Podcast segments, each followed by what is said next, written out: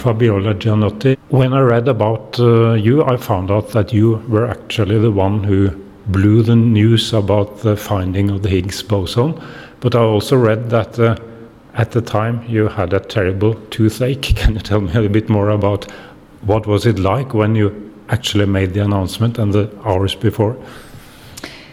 Uh, it was a very intense, uh, intense period. We were coming out of a couple of months of very hard work, not to mention all the years before, of course. But the final rush to to produce the results for the for the announcement. So it was a mixture of excitement and tiredness, intensity. We were all very much much focused.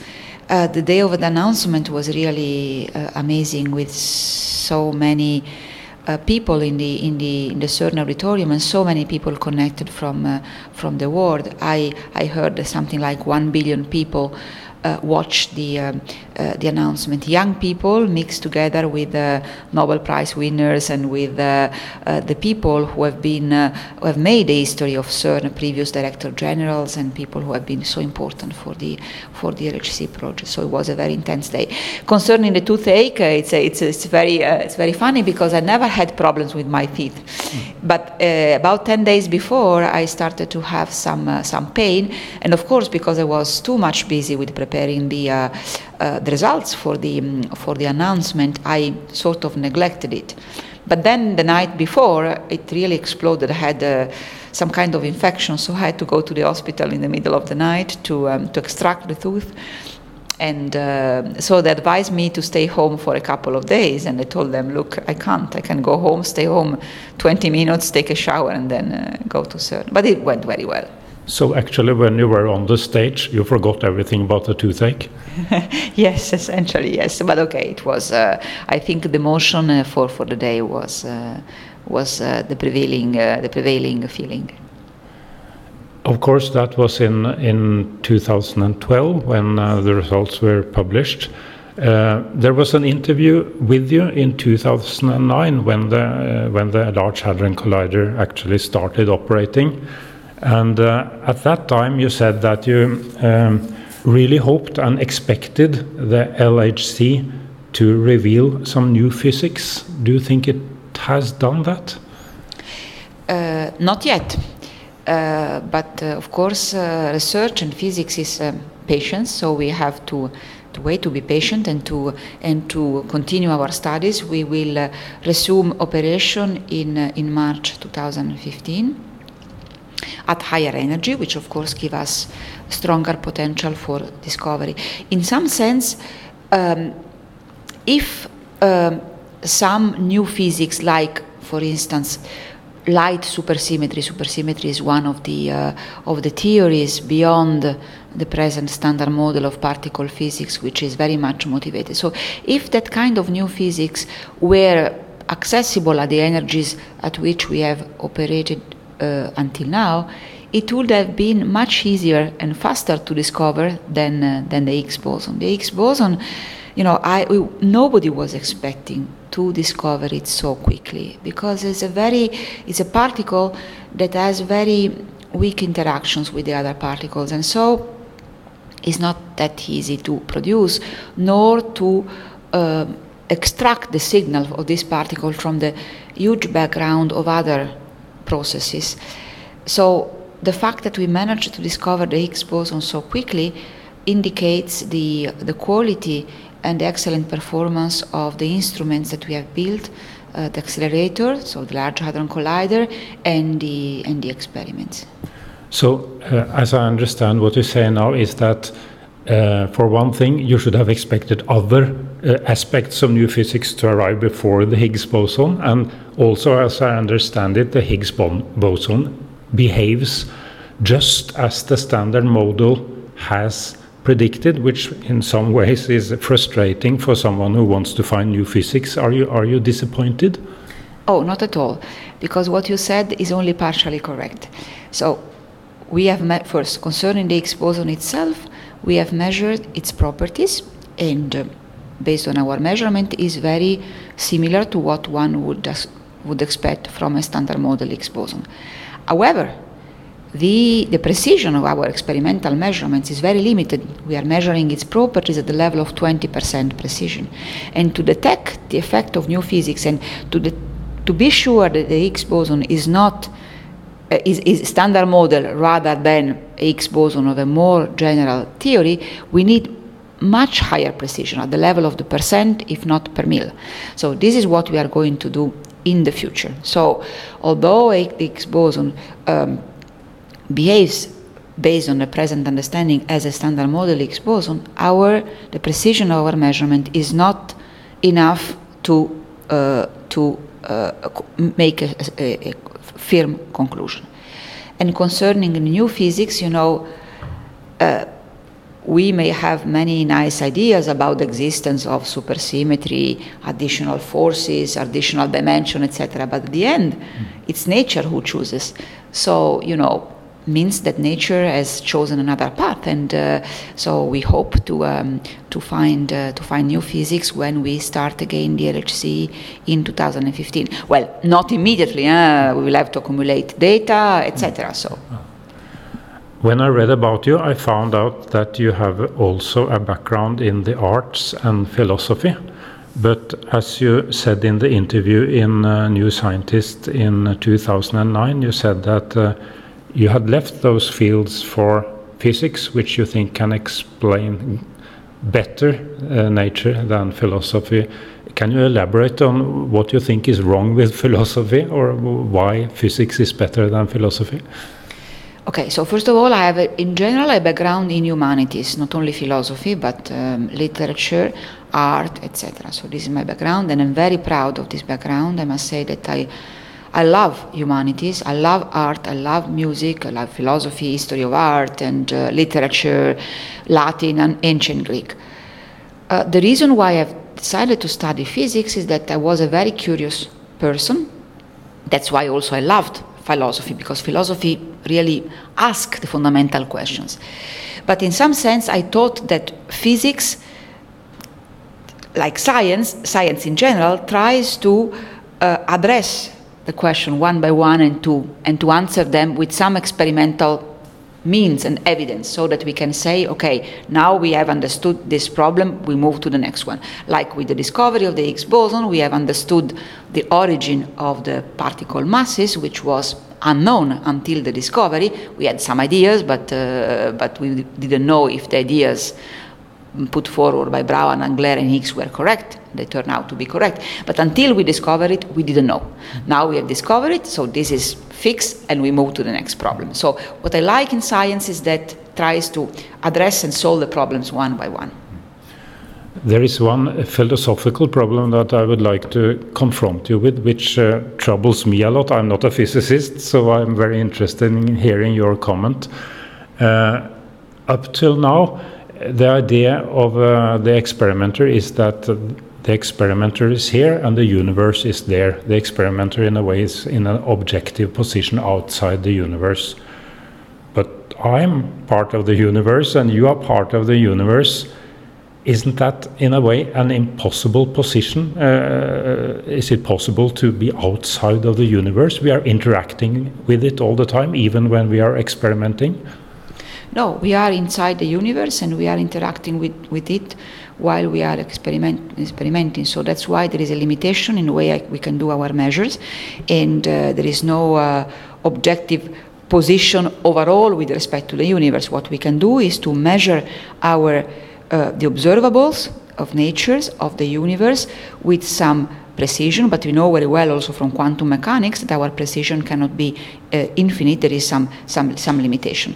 The uh, one of the best, one of the most important issues is when we do our measure measurements is to influence the results as little as possible with our instruments. So this is also very important uh, problems in, in, in fundamental science. Mm. But your question is very good one, yes.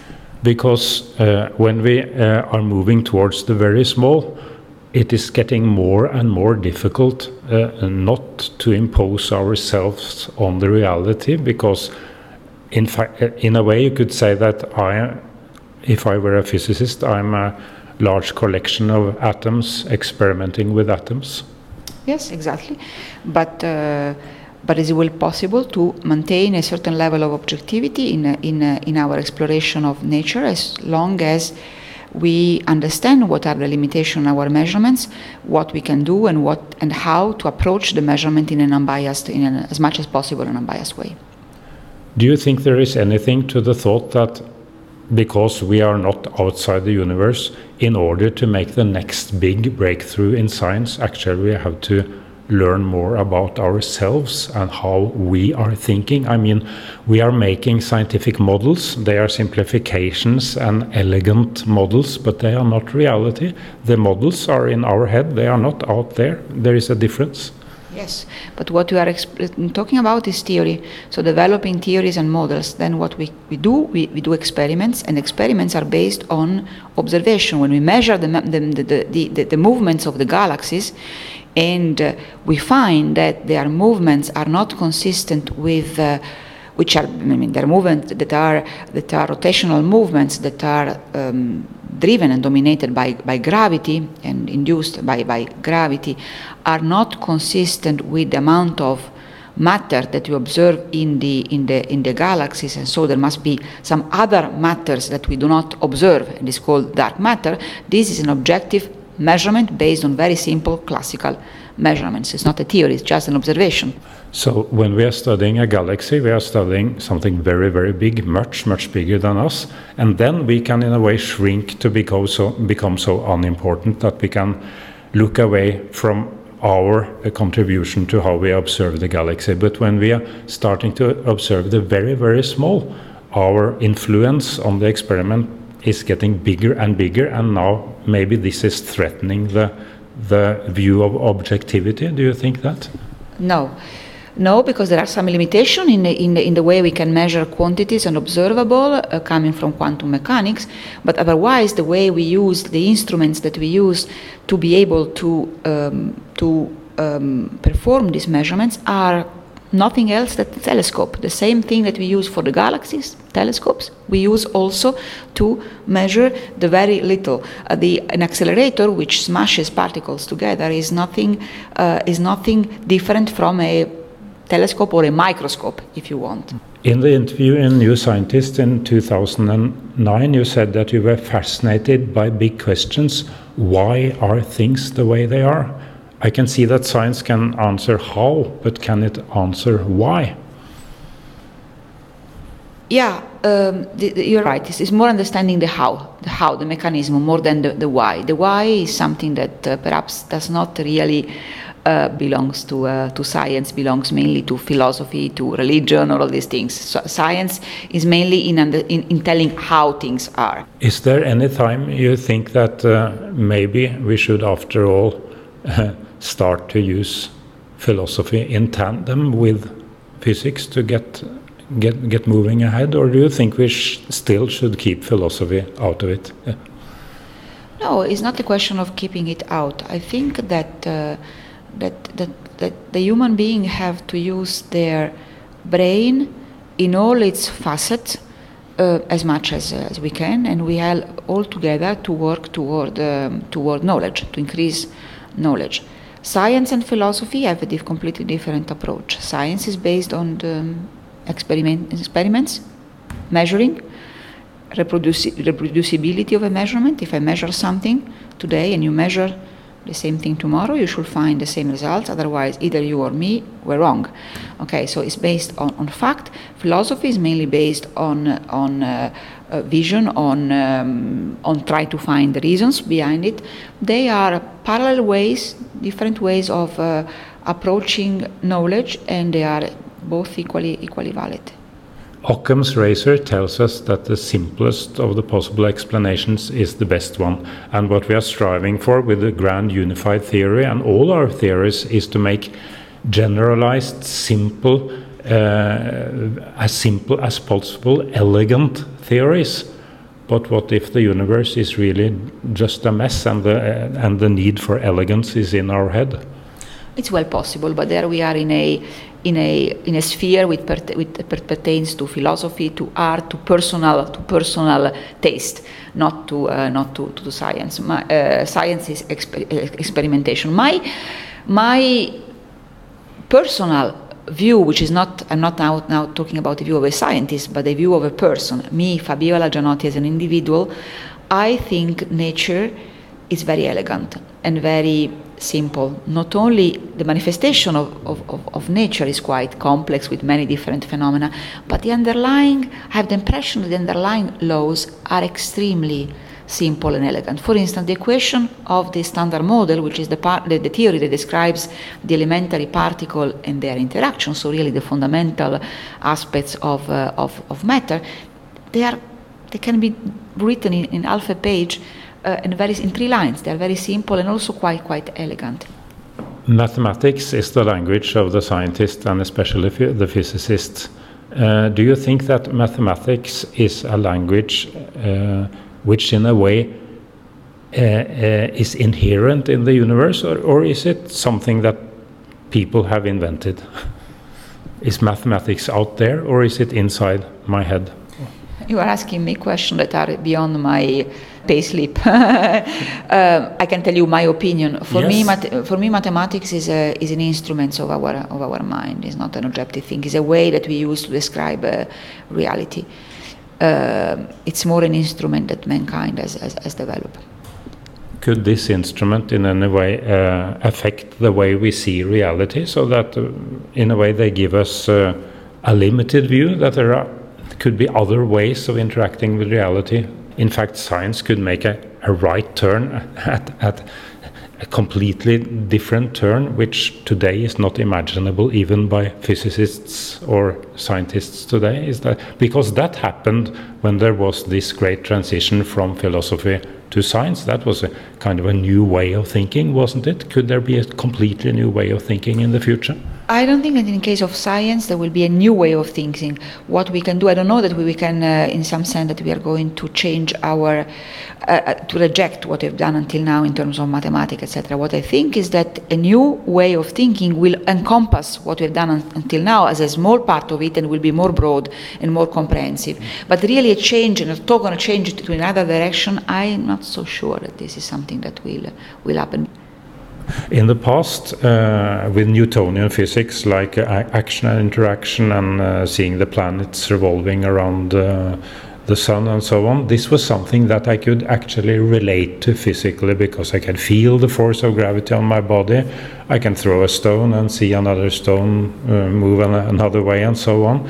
But today, I think most people, uh, when they read about uh, quantum mechanics and when they read about the re theory of relativity, this is so remote from what they can experience with their own bodies that they, it, uh, they somehow feel very al uh, alienated towards it. Is that a problem for physics that it becomes so abstract that that people don't understand it anymore?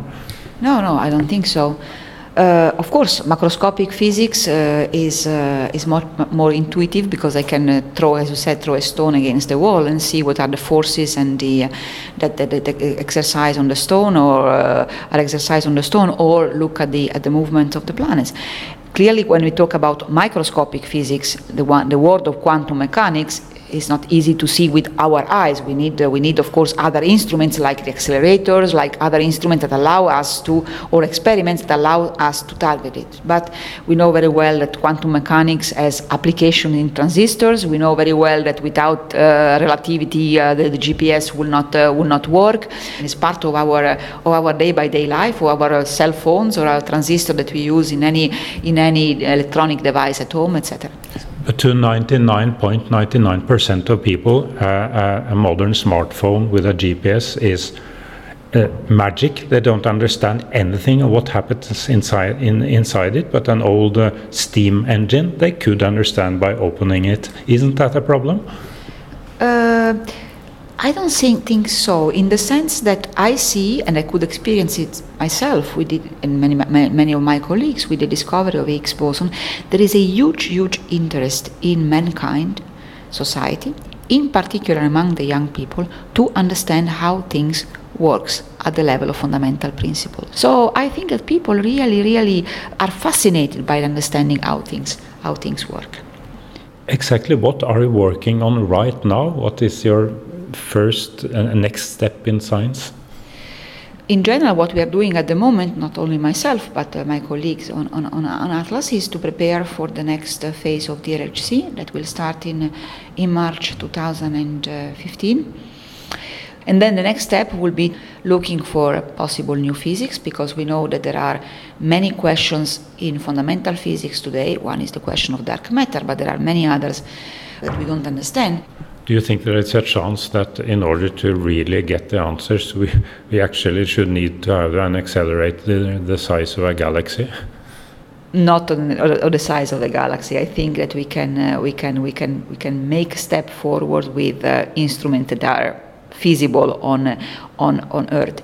Um, I think that um, the the fundamental questions are so important that we need to use all the approaches that um, we have develop from high energy accelerator like the LHC to underground experiments looking for uh, possible signal from the uh, from the outer space to uh, space missions to observe the, the universe, galaxy formations, and their, and their evolution. So I think that only by uh, you know by complementary approach, uh, using all the instruments and approaches that mankind has developed with its creativity, ideas, and technology, this is the, the best way to address the, the fundamental questions.